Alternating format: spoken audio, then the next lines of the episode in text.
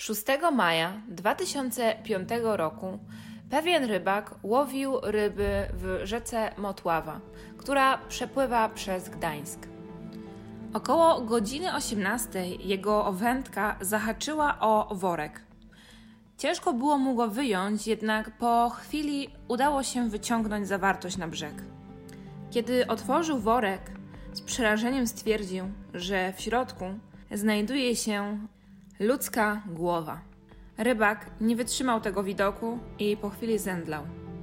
Cały incydent zauważył rybak, który łowił w pobliżu. Powiadomił policję, a ta już po chwili znalazła się na miejscu.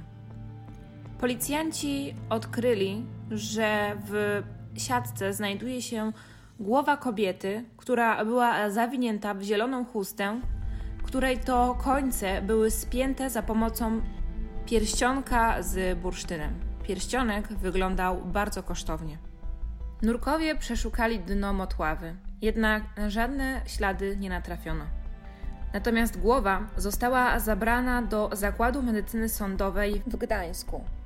Po badaniach lekarz orzekł, że głowa należy do kobiety, której wiek określił między 50 a 60 rokiem życia.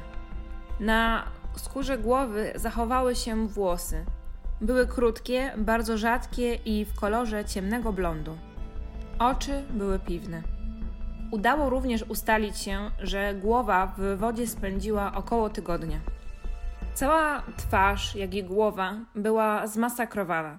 Patrząc na głowę, nie dało ustalić się wyglądu kobiety, dlatego też policjanci postanowili przesłać do Centralnego Laboratorium Kryminalistycznego zdjęcie wyłowionej głowy. Na tej podstawie eksperci określili prawdopodobny wygląd kobiety.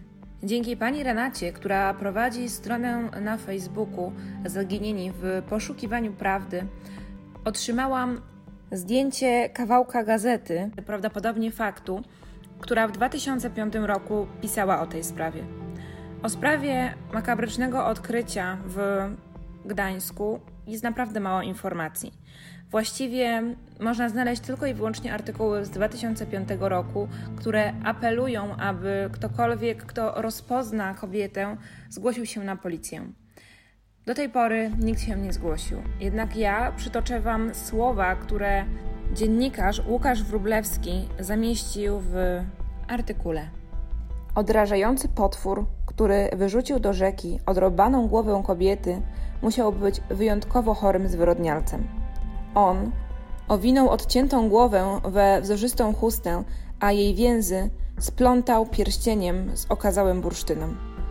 Morderca jest zapewne maniakalnym psychopatą, który dokonał rytualnej zbrodni i po śmierci naznaczył zmasakrowane ciało. Z artykułu wynika również, że ofiara przed śmiercią była okaleczana za pomocą twardego przedmiotu, którym była bita m.in. po głowie. Do tej pory nie wiadomo, kim była kobieta, a reszty ciała nigdy nie odnaleziono. Sprawca tej odrażającej zbrodni nadal może chodzić wolno po świecie. W opisie pozostawię link do strony Zaginieni w poszukiwaniu prawdy. Tam będziecie mogli przyjrzeć się jeszcze raz dokładnie wszystkim zdjęciom. E, I chcę jeszcze dodać, że to jest jedyna strona, która przypomina zapomniane i niemedialne zaginięcia. Zajmują się sprawami, o których już nikt nie pamięta. Chcę jeszcze dodać, że na stronie Policji Gdańskiej jest e, napisane, że kobieta miała od 50 do 60 lat, jednak również znajduje artykuły, w których napisane jest, iż kobieta była między 40 a 50 rokiem życia, więc tutaj znów e, warto wziąć poprawkę na liczby. Jeżeli ktokolwiek z Was rozpoznaje tę kobietę lub przypuszcza, kim mogłaby być, nie pozostawajcie obojętni. Koniecznie zgłoście to na policję. Takie sprawy można również zgłaszać anonimowo. Zawsze, kiedy czytam o takich sprawach, zastanawiam się, jak jest to możliwe, że przez tyle lat nie odnaleziono zabójcy, ani nikt nie przyznał się, aby znał kobietę. Przecież musiała mieć znajomych, rodzinę. Ktoś musiał ją znać. Dlaczego zatem wszyscy milczą? W tej sprawie nie wiadomo już nic więcej. Na dzisiaj to już koniec. Bardzo dziękuję Wam za wysłuchanie kryminalnego podcastu.